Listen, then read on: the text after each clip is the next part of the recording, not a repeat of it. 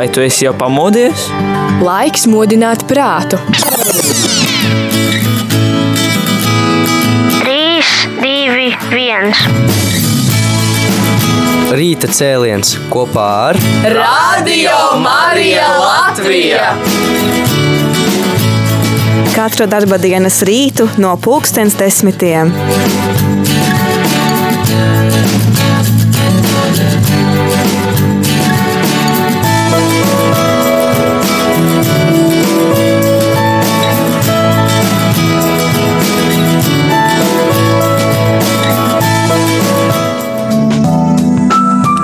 Labrīt, labrīt, rādījumā arī klausītāji šeit es, priesteris Jānis Meļkovs un rīta cēliens. Rīta cēliens, kurš ir veltīts jums. Ko es ar to domāju? Ar to es domāju, ka šī ir tā iespēja, lai zvanītu, ja ir kādi jautājumi gan par radio, Marija Latvijas darbību, gan varbūt tās ar vispārīgi kaut kādas intereses, vajadzības, jautājumi, ko nezinām, kam uzdot, vai uh, kautrējamies kādam konkrēti uzdot, tad nu, šī ir tā iespēja uzdot uh, šos jautājumus. Man tā gribas vismaz mm, domāt, ka jums ir jautājumi, tā kā nekautrējieties un jautājiet, ja ne saviem prāvestiem vai, vai cilvēkiem, kuri, kuriem šķiet būtu šis jautājums adresēts, tad droši vismaz varat zvanīt šeit uz studiju šajā ceturtdienā, kurā, nu, es mēģināšu varbūt tās atbildēt uz kādiem jautājumiem, kas jums interesē, vai nu tas būtu saistīts ar rādījumu arī Latvijas darbību, vai, protams, jebkāda cita veida jautājumi. Telefona numurs zvaniem 67, 969, 131 vai uh, īsiņām. Varat rakstīt, protams, arī īsiņas, ja kautrieties uh, runāt. Un īsiņām telefona numurs ir 266, 77, 272. Un, kā jau es saku, um, jebkādi jautājumi, kas nu vien ienāk kuram prātā, tad tos pilnīgi droši varat arī sūtīt vai zvanīt, un mēģināsim tad arī uz tiem atbildēt un, un parisināt tās tēmas, kas jums varbūt tās ir aktuālākas.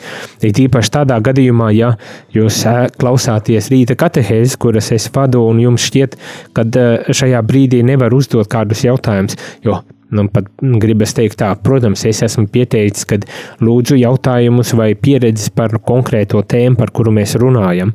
Jo nu, es domāju, lai mēs varam arī kādas tēmas attīstīt un, un, un plašāk tvert arī baznīcas mācību, tad gribas tiešām eh, runāt par tām tematikām, kuras konkrētajā dienā tad ir piedāvāja. Nu, tagad lasījām dokumentu, lasām vēl joprojām līdz rītdienai, lasām dokumentu par liturģiju, un tur ir visdažādākās tēmas piedāvātas, varbūt tās kāda tēma nav, kura jums tomēr ļoti interesē, vai kas ir kaut kas, kas jums ir ļoti aktuāls. Un, un tādēļ, ka nu, es esmu tā stingri piekodinājis, ka par tematiku, par kuru runājam, tad jūs nezvanat. Tad, bet uh, ceturtdienas rīta cēlienā, kad es esmu, droši zvaniet vai rakstiet, un tad nu gan mēģināsim atbildēt uz jautājumiem, kas varbūt tās ir pavisam no citas tematikas vai uh, par citām interesēm vai tas būtu teoloģiskām, vai varbūt tās arī vispār cilvēciskiem kaut kādiem jautājumiem, pilnīgi droši. Nu, tas ir mans mēģinājums jūs iedrošināt, lai, lai nebaidītos uh, zvanīt vai nebaidītos rakstīt īsiņas uh, un uh, risināt kaut kādas lietas, kas jums ir svarīgas un aktuālas, bet, uh, kā jau es saku, uh, kaut kādiem iemeslu dēļ nezināt, kurā vietā meklēt šīs atbildes. Es Protams, uzreiz nesolu, ka visas atbildes arī man būs, bet varbūt tās, eh, ja es nemācīšu atbildēt, es eh, centīšos atbildēt eh, kaut kādā vēlākā periodā vai citā reizē, ehm, sameklējot šo atbildi un tad arī mēģinot sniegt šo atbildi. Starp citu, no tādi, viens no tādiem jautājumiem bija katehēzē, kuru es neatbildēju, jo es vienkārši īziņu nepie, nesaņēmu tajā brīdī, kad es uh, biju katehēzē. Tā rezultātā arī nesanāca man šo uh, jautājumu atbildēt, bet jautājumu es saņēmu par alkoholismu un eksorcismu. Vai vajag, uh, ja cilvēks ir alkoholiķis un, un, un cīnas ar alkoholismu, bet nekādīgi netiek vaļā, vai tas ir ļaunā gara darbs un vajadzētu uh, izpildīt eksorcismu uz šo cilvēku. Uh, man uzreiz gribas teikt, ka um, vispirmām kārtām vedam pie narkologa, lai ārsti iesaistās un palīdz risināt šo problēmu. jāatzīst uzreiz gan arī tas, ka alkoholisms ir milzīga traģēdija Latvijā. Protams, ne tikai Latvijā, bet uh, mēs Latvijā dzīvojot un redzot situāciju, jāsaka, kā ir. Tā ir milzīga traģēdija. E, man nav nekādas statistikas un pierādījumu, bet no tā, ko es uh, zinu uh, sarunās ar cilvēkiem, vai patiesībā sarunās vairāk ar sievietēm, mātēm, tad uh, alkoholisms bieži vien ir pamatā, kādēļ ģimenes izjūg. Uh, protams, es negribu pateikt, ka tas ir vienīgais un, un tikai šis ir iemesls, un, un, un kad šis ir varbūt tās tikai tas nopietnākais iemesls, vai ne, bet, bet no, no sarunām ar ģimenes cilvēkiem bieži vien uh, alkoholisms ir tik ļoti uh, postošs bijis, kad izjūg ģimenes. Nu, tā, kā, jā, tā ir milzīga problēma. Bet man negribētos domāt un, un, un teikt uzreiz, ka tas ir teiksim, tā, tieši ļaunā gara darbs. Tas varbūt tās ir, tā, tā ir problemātika, kas, kas ir jārisina ar, ar medicīniskiem, bieži vien medicīniskiem un psiholoģiskiem, psihoterapeitiskiem līdzekļiem, lai tiešām varētu to risināt. Jo, nu jā, es neesmu arī ārsts, es neesmu speciālists, es arī nevarēšu pateikt, bet eh, kā mēs visi droši vien zinām, tas var būt eh, pamats kaut kur bērnībā, iegūtas kaut kādas traumas, ar kurām netiekam galā. Varbūt tās ir vienkārši izdegšana un izsīkums darbā, kā rezultātā eh, sākas tā, tā dzeršana. Varbūt tās arī problēmas ģimenē, nu, ar sievu varbūt tās nav tik laba saskaņa, kā gribētos, un tādēļ tā tiek risināta gremdējoties alkohola dziļumos vai kaut kādas tam līdzīgas lietas. Nu, tur var būt visvisādākie pamati un iemesli, kāpēc tas viss notiek. Protams, protams, protams. Bet jautājums, vai es to risinu un kādā veidā es to risinu. Un, protams, ka man gribētos ticēt un domāt, ka došanās pie ārstiem vispirmām kārtām ir tas pirmais risinājums, ko es arī daru. Ja gadījumā ir problēmas, eju pie ģimenes ārstes, dabūju nosūtījumu pie narkologa vai pie terapeita, ja tas ir vajadzīgs, vai kurš kuru pie kā tur nozīmē, to jūs uzzināsiet pie ģimenes ārstiem visdrīzākais. Un, eh, un doties eh, un izmantot šīs iespējas, lai tiešām risinātu un neatstātu eh, to tā vienkārši pašplūsmā. Bet arī es domāju, ka ir skaidrs un zināms arī fakts tas, ka līdz kamēr cilvēks nav sapratis un aptvēris, kad viņam ir alkoholisma problēma, līdz tam brīdim viņam būs grūti arī kaut kādā veidā nu, reaģēt un rīkoties uz, uz šo uz šo problēmu. Viņš arī neieklausīsies nevienā cilvēkā, pat tik tuvā un dārgā kā paša sievā, vai varbūt tās arī bērnos. Tā, kā, tā, tā ir vēl viena problemātika. No otras puses, arī gribas man teikt, tā, ka um, nu, kaut kādā ziņā nu, tas ir sātena darbs, alkoholisms, ka tas ir tāds arī sātena darbs. Bet pareizi saprotot, saprotot to tādā ziņā, ka, protams, ka tas ir kaut kāds ļaunums, kas ir ienācis mūsu ģimenēs, mūsu sabiedrībā, un, un ar kuru mums ir jācīnās. Un, protams, ka tas nozīmē arī to, ka mums jālieto arī garīgie līdzekļi, lai cīnītos ar šo um, problēmu postu un nelaimi, ar šo ļaunumu, kas ir alkoholisms. Tur tādā ziņā mēs, kā kristieši, kā mūsu tāds spēcīgākais līdzeklis ir lūkšana. Mums nevajag kautrēties un baidīties lietot arī lūkšanu, bet uh, saprotiet pareizi, lūkšanu nevar pieņemt kā aizstājēju narkologam vai psihoterapeitam. Lūkšanu nevar pieņemt kā aizstājēju uh, zālēm, ja tādas ir vajadzīgas, jo ir diemžēl arī uh, vajadzīgas dažreiz pat, eh, pat kaut kādas zāles. Kad šī, šī mūsu lūkšana, mūsu garīgās dzīves eh, spēcīgais līdzeklis lūkšana eh, iet kopsolī ar, ar speciālistu piesaistīšanu, lai šo problemātiku risinātu. Tad abi, ad, abi divi līdzekļi mums ir jālieto. Tiešām lūdzot, lai, lai Dievs svētais gars ir, ir ar šiem cilvēkiem, lai, lai darbojas šā cilvēka dzīvē dzīvē, lai arī starp citu lūdzot ne tikai par uh, pašu alkoholiķi uh, vai ne, vai alkoholu, uh, uh, bet arī lūdzot par tiem cilvēkiem, kas cieš šī alkoholisma rezultātā, jo arī, arī viņi šajā gadījumā piedzīvo milzīgu postu, milzīgu uh, nelaimi, un ar viņiem ir vajadzīgs šis garīgais atbalsts un stiprinājums, ko mēs ar savu lūkšanu varētu nodrošināt. Vai eksorcisms uh, ir jādara? Es teiktu, ka nē. Vispirmām kārtām ir jāiet un jādara uh, viss mūsu, uh, kā teikt, iespējamais ar mūsu lūgšanu, ar mūsu garīgo atbalstu, ar svēto misi, ejot uz svēto misi, lūdzot arī upurējot svētās mises šī cilvēka nodomā, nodomā vai ne, lūdzoties šī cilvēka nodomā, lūdzoties arī par, par ģimeni un tā tālāk, bet vienlaikus, nevis kā aizstājēju, bet vienlaikus arī aicināt un, un piesaistīt speciālistus, ārstus, terapeitus eh, vai kādi vēl varbūt tās speciālisti būtu vajadzīgi, lai risinātu eh, šī cilvēka eh, problēmas. Jo bieži vien saka, ka alkoholisms pats nav problēma, kad problēmas ir kaut kur, kaut kur kādas citas, un alkoholisms ir tikai izpausme sekas, sekas šai problēmai, ar kuru varbūt tās netiek galā, un kas ir jārisina daudz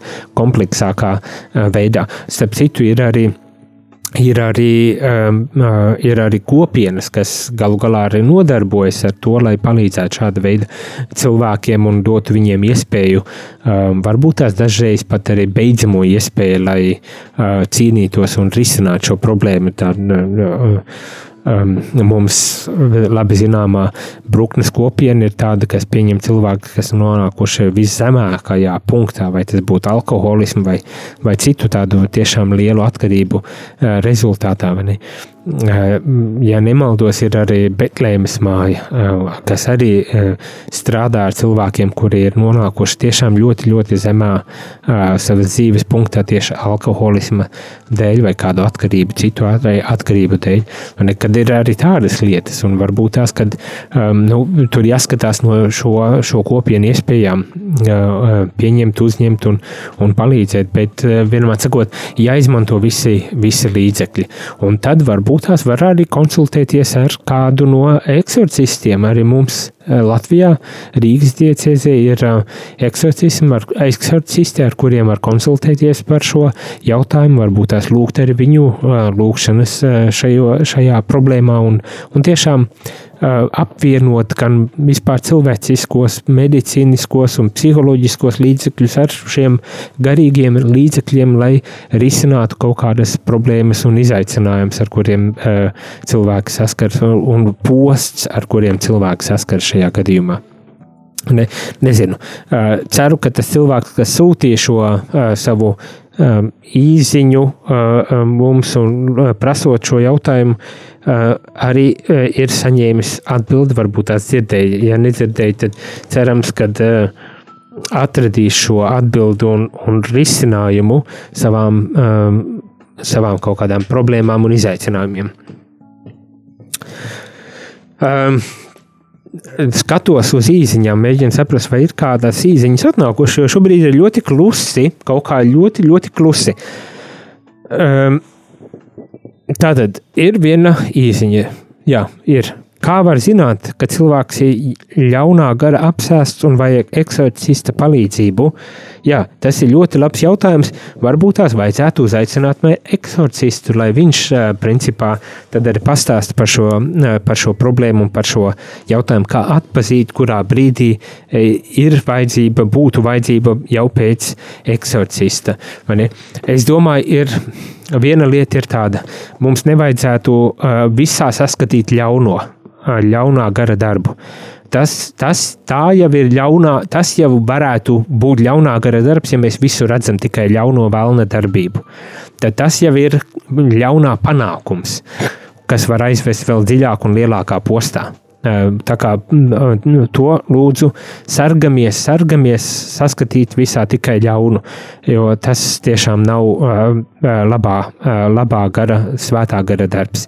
Kā atpazīt, kurā brīdī un, un kādā veidā visdrīzākais Uh, nu, mēs redzēsim, ka cilvēks varbūt tās kaut kādā veidā neadekvāti rīkojas, bet arī tas vēl nav pamats, lai uzskatītu, ka viņš ir ļaunā gara apsēsts. Kā jau saku, bieži vien un pārsvarā Tās ir problēmas, kuras ir jārisina ar ārstu, psihologu, psihiatru palīdzību, ne, kuri var tad iesaistīties vai medicīniski, vai, vai kā terapeiti palīdzēt risinot eh, šīs problēmas un šos arī izaicinājumus, un, ar kuriem tad mēs uh, saskaramies. Tā kā vispirmām kārtām ņemam vērā uh, šādu um, apstākļu apsvērumu kad, kad jā, tas varētu būt saistīts arī ar, ar to, ka mums ir uh, vajadzīga pēc, palīdzība pēc, um, pēc kaut kāda speciālista, nevis pēc eksorcista.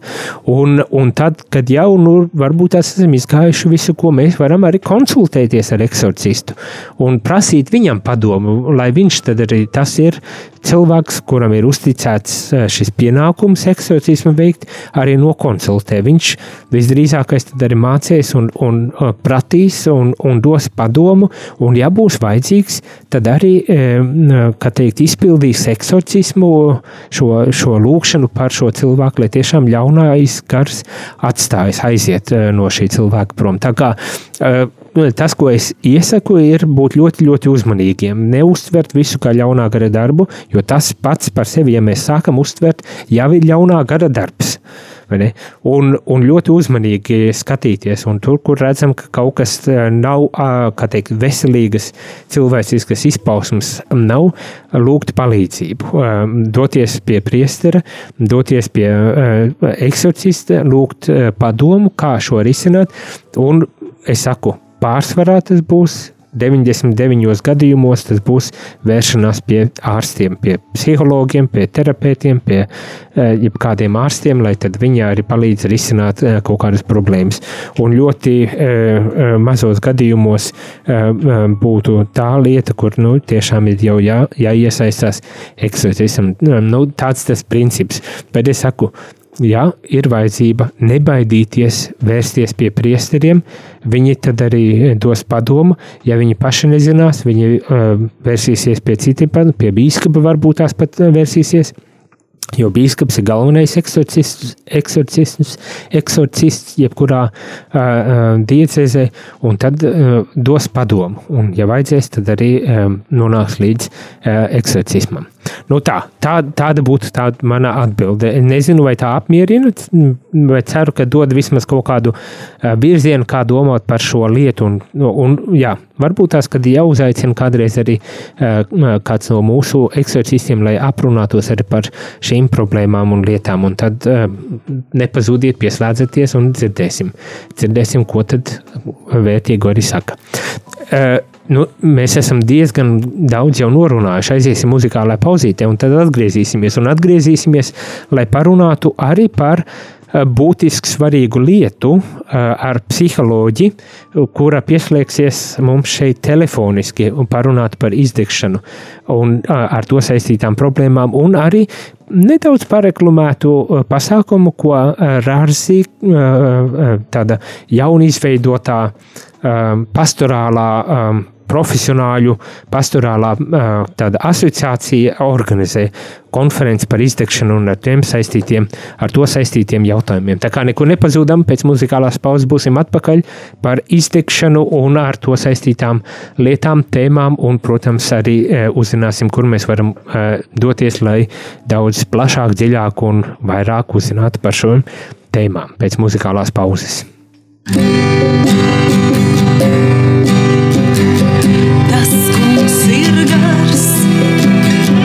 Paša līdzībā.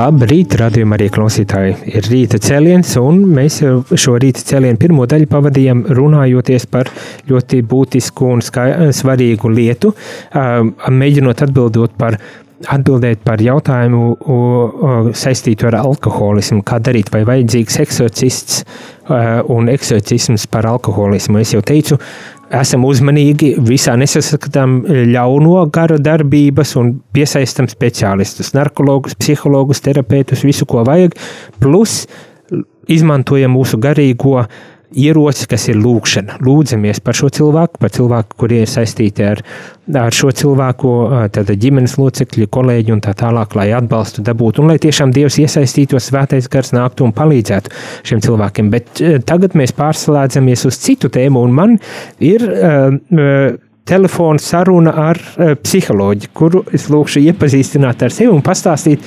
vispirms Ingrīda. Uh, jā, bet pastāst par sevi vienmēr sagot. Jā, labrīt, klausītāji. Mani sauc Ingrīda Trutskaune. Esmu psiholoģija, psiholoģijas doktore un strādāju vairākās vietās. Esmu Rāzija asociētā profesore, pasniedzu psiholoģiju tur jau daudzus gadus. Uh, arī Rīgas Stradiņu universitātes psiholoģijas laboratorijas pētniece un docētāja, kā arī psiholoģija svētās ģimenes mājā un arī savā privātā praksē.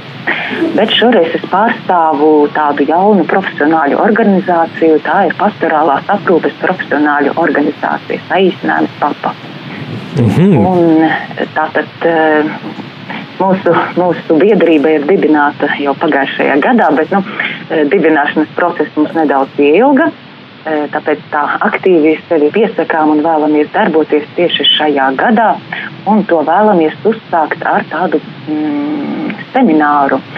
Jā, semināru cikls saistībā ar teoloģijas un psiholoģijas dialoga jautājumiem. Tātad šādi semināri jau notika iepriekš. Mēs tos organizējām um, Rārzi, tāda domu biedru grupa, jā, kas tika veltīti depresijai, um, šizofrēnijai, um, seksualitātei, jā, tātad saistībā ar šiem te, uh, jautājumiem un uh, aplūkojot šīs tēmas no psiholoģijas un teoloģijas skatu punktiem. Bet uh, šajā mēnesī, 22. martā, mēs vēlamies piedāvāt semināru, kas ir veltīts izdegšanai. Aha, mhm. Seminārs saucas um, izdegšana, um, sakāve vai iespēja. Un se, Mūsu ie- iepriekšējais seminārs bija veltīts Covid nogurumam, un es domāju, ka tā ir tāda Covid noguruma nākamā stadija, ar ko saskarās droši vien ne tikai speciālisti, kas strādā palīdzošajās profesijās, Jā, jo mūsu biedrība, Pastorālās aprūpes profesionāļu asociācija, ir eh, biedrība, kas apvieno eh, dažādu jomu speciālistus, kas eh, strādā pastorālajā jomā. Un tie ir gan garīdznieki, garīgie līdzgaitnieki, pavadītāji, psihologi, psihoterapeiti, katehēti. Um, pastorālie sociālie darbinieki, pastorālie konsultanti, arī ārsti, jā, varbūt vēl kādas nosauktas eh, kalpošanas jomas, eh, ko es varbūt tagad ātrumā nedaudz esmu aizmirsusi, bet tātad visi profesionāļi, kas strādā šajā jomā, un profesionāļi eh, tas ir cilvēki, kuri ir nevis tikai tādi kā brīvprātīgie un labas gribas cilvēki, bet kuri ir ieguvuši savai profesijai atbilstošu izglītību, nu, vismaz maģistra grāda līmenī un kalpo atbilstošajā jomā. Nu jā, un tad ir prieks dzirdēt, ka vispirmām kārtām ir šāda asociācija izveidota, kas tad apvieno šo kristīgos uh, profesionāļus šādā, šādā uh, asociācijā. Un, protams, ir prieks, uh, es jau zināju par tiem psiholoģijas, teoloģijas semināriem uh, par dažādām tēmām pirms vēl Covid sākās, ar kuru Jā. mēs atskaitamies par laikiem, bet tagad ir prieks dzirdēt, kad ir atsācies, un, un par izdegšanu tas jau ir tāds, Tā ir tāda problēma ne tikai pēc Covid uh, parādība, bet arī pirms Covid un tāda vispār izplatīta šī laika, mūsu laika uh, problemātika. Var, varbūt tās pavisam īsi ieskicēt, nu, kas, kas tur ir apakšā no psihologa viedokļa, kas tur ir apakšā kaut kādas lietas, kas varbūt tās ir ātri var pieminēt un, un kā teikt, ja ne diagnosticēt, tad vismaz likt aizdomāties par šo tematiku. Mm -hmm. Jā, kā definējam starptautiskais slimību klasifikators SSK11, kas ir jaunākā šī klasifikātora versija. Izdegšanas sindroms ir psiholoģisks sindroms. Sindroms tas nozīmē, ka tas ir simptomu kopums. Tas ir nav kāds viens simptoms, bet vairāku simptomu kopums. Un kādi tad simptomi i- izpaužās jā, šajā izdegšanas sindromā?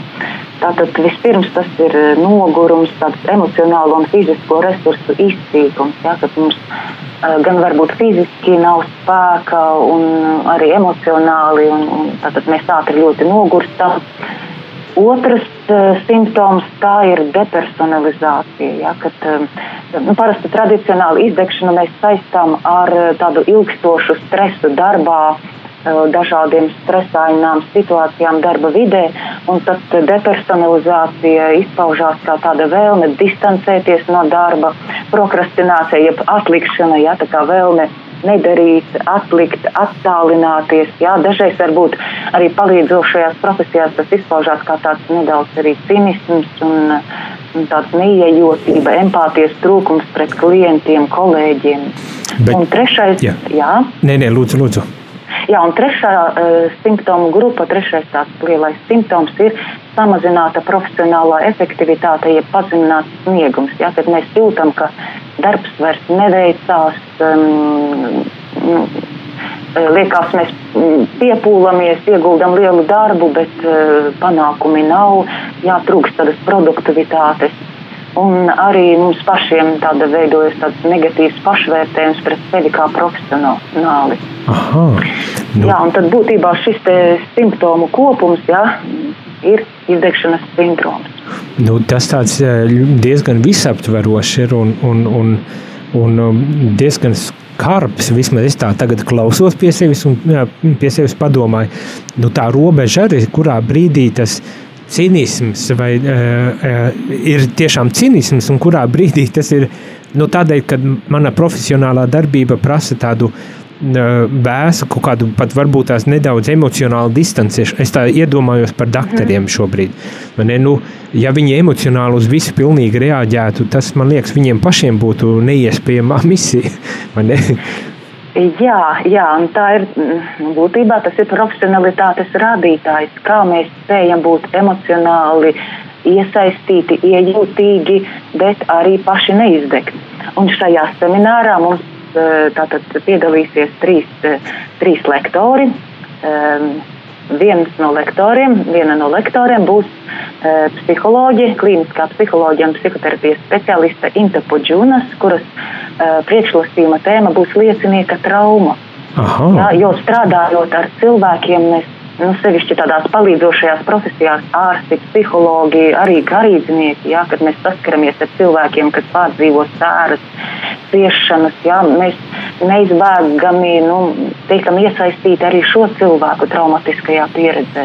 Nu, jā. Jā, notiek tā saucamā sekundārā retraumatizācija, jā, kad tā mēs paši varbūt nepiedzīvojam, bet caur šī cilvēka ciešanām, nu, šī cilvēka trauma un ciešanas mūs skar.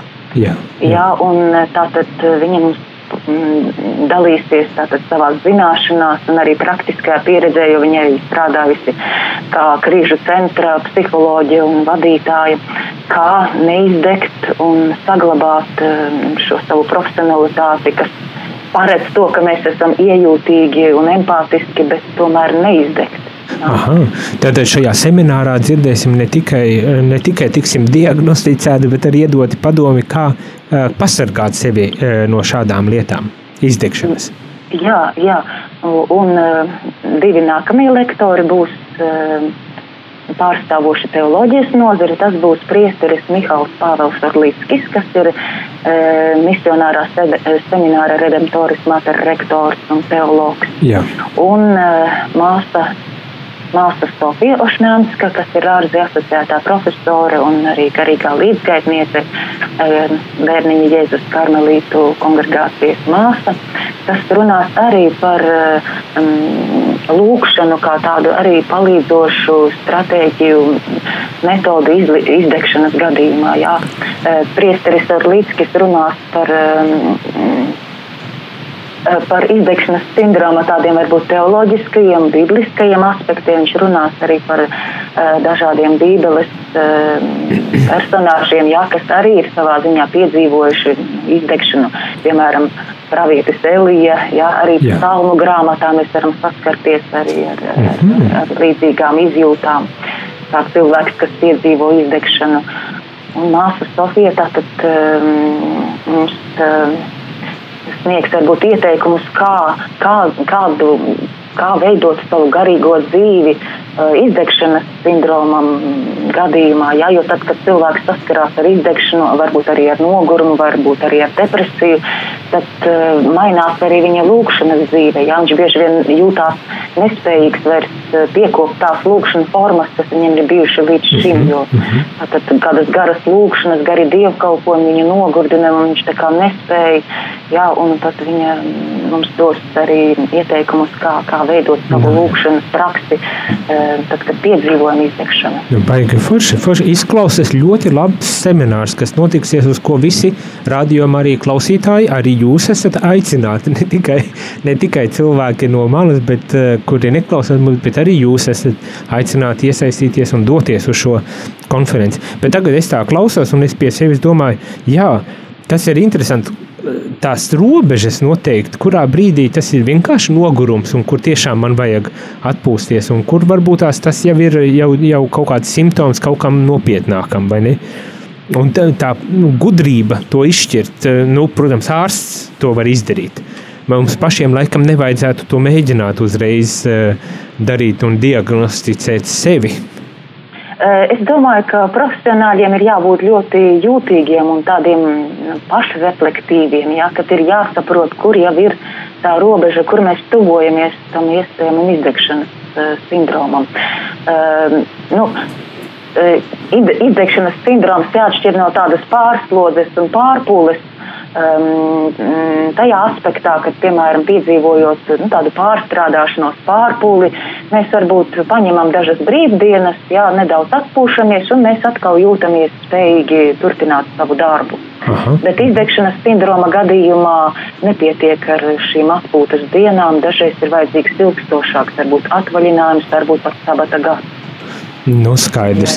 Uh, Jā, un eh, kas varbūt eh, tāds interesants aspekts, ka izdegšanas sindroma tāda pirmā stadija ir tad, kad viss šausmīgi patīk, viss ļoti interesē, un mēs ieraujamies šajā darba virspulī aizvien vairāk un nerēķinoties ar, ar savu varbūt veselību un psihisko labsajūtu. Būtībā tad, kad mēs sākam jūt, kad jūtam, ka sākam strādāt par daudz, pat tad, ja vēl mēs nejūtam varbūt to lielo nogurumu, tas jau ir tāds neliels trauksmes zvaniņš, kā nu, piebremzē. Kad vajag, nu tā, tā darbie klausītāji, es arī pats domāju, interesanti, interesanti, kā tad ir ar mums, kā tad ir ar mums. Varbūt tās noslēgumā tāds personiskāks jautājums, kā pašai ir gājis ar, ar šo uh, problemātiku, jo uh, uh, tu jau arī strādā tādā, tādā profesijā, darbā, kas, kas nu jā, uh, vai ne, uh, ir riska kategorija, principā, ja tā to var nosaukt. Kā pašai ir uh, bijis ar šo izdegšanu, vai ir piedzīvots arī uh, šī izdegšanas sindroms, un, un kā, kā, kā tiki galā pati, ja, ja tāds ir bijis? Vai tas nav pārāk personisks jautājums, jāsaka arī tā? Nu, būtībā varbūt ar tādu ļoti dziļu izdegšanu es varbūt neesmu saskārusies, kas tā kā mani pilnībā izspistu no darba nu, uz ilgāku laiku. Bet nu, ar tādu pārslodzi un nogurumu, jā. jā. Nu, Nu, nu. ma, mans ieteikums ir tātad nelikt visas solas vienā līgzdā, vienā groziņā, mm, varbūt, lai mums šī darba slodze ir varbūt arī nu, dažādota. Jā. Man vismaz palīdz, ka man, uh, mans darbs ir. Nu, Nav tikai darbs ar klientiem, piemēram, kā psihologam. Es esmu arī docētāja, esmu pētniece, jā, arī mūziķe. Nu, līdz ar to man ir nu, jomas, kurās varbūt es varu nedaudz no vienas darba jomas pārslēgties uz otru un tādā veidā nedaudz pat uh, arī atpūsties. Aha, tā pasargāt sevi. Jā, jā. Nu. Un, un, un līdzsvaram tomēr starp šo te profesionālo un, un, un tādu arī personīgo dzīvi. Jā. Nu, jā. lai ir laiks lūkšanai, lai ir laiks kādiem hobijiem, atpūtai, mm, tikšanās ar draugiem, laika pavadīšanai kopā ar ģimeni. Nu, forši. Svarīgas lietas, svarīgas Jā. lietas. Varbūt tās eh, pašās, pašās beigās jau mums laiks ir iet, iztek jau kāda īziņa man ir pienākusi. Um, Es nezinu, vai tieši eh, par tevi to prasa, vai, par, eh, vai vispārīgi, bet jautājums ir tāds, kad psiholoģija ir svētās ģimenes mājā? Paldies! Nezinu, kurā vietā tu strādā, vai tu pieņem cilvēkus, vai cilvēki var pieteikties pie tevis arī uz konsultācijām, ā, vai kā tas notiek? Jā, Svētās ģimenes mājas lapā ir mani kontakti, un tur var pieteikties. Es Svētās ģimenes mājā konsultēju uh, ceturtdienās. Aha, tātad, ā, ja gadījumā ir interese, tad psiholoģija Ingrīda ā, ceturtdienās konsultē Svētās ģimenes mājā. Un, Tur ir mans telefons, un var arī pieteikties. mājaslapā var vērsties, ja ir tāda vajadzība. Sirsnīgs paldies par šo sarunu! Jā, un varbūt tad tuvāka informācija par šo semināru ir eh, portālā Katolis LV. Bet varbūt tās varam atgādināt datumu, kad tas ir un cikos. Jā, eh, seminārs notiks 22. martā tieši saistē Zoom eh, no 2018 līdz 2021. Tātad, uh, un Zoom tas ir interneta vidē, tātad tā kā ekrānā, kompjūtera ekrānā vai telefona ekrānā uh, varēs piedalīties, nav jādodas nekur, bet šādā attālinātā formātā var, var piedalīties. Es to vienkārši tā paskaidroju cilvēkiem, arī radio klausītājiem, ka tā ir lieliski iespēja arī jums Jā. dzirdēt un ie- pies, pieslēgties šai, šai, šim semināram. Jā, un tad gaidām. Jā, sirsnīgs paldies, un lai izdodas seminārs, un lai ir tiešām izdodas uzrunāt cilvēkus un palīdzēt cilvēkiem, kas ir tik ļoti, ļoti vajadzīgs.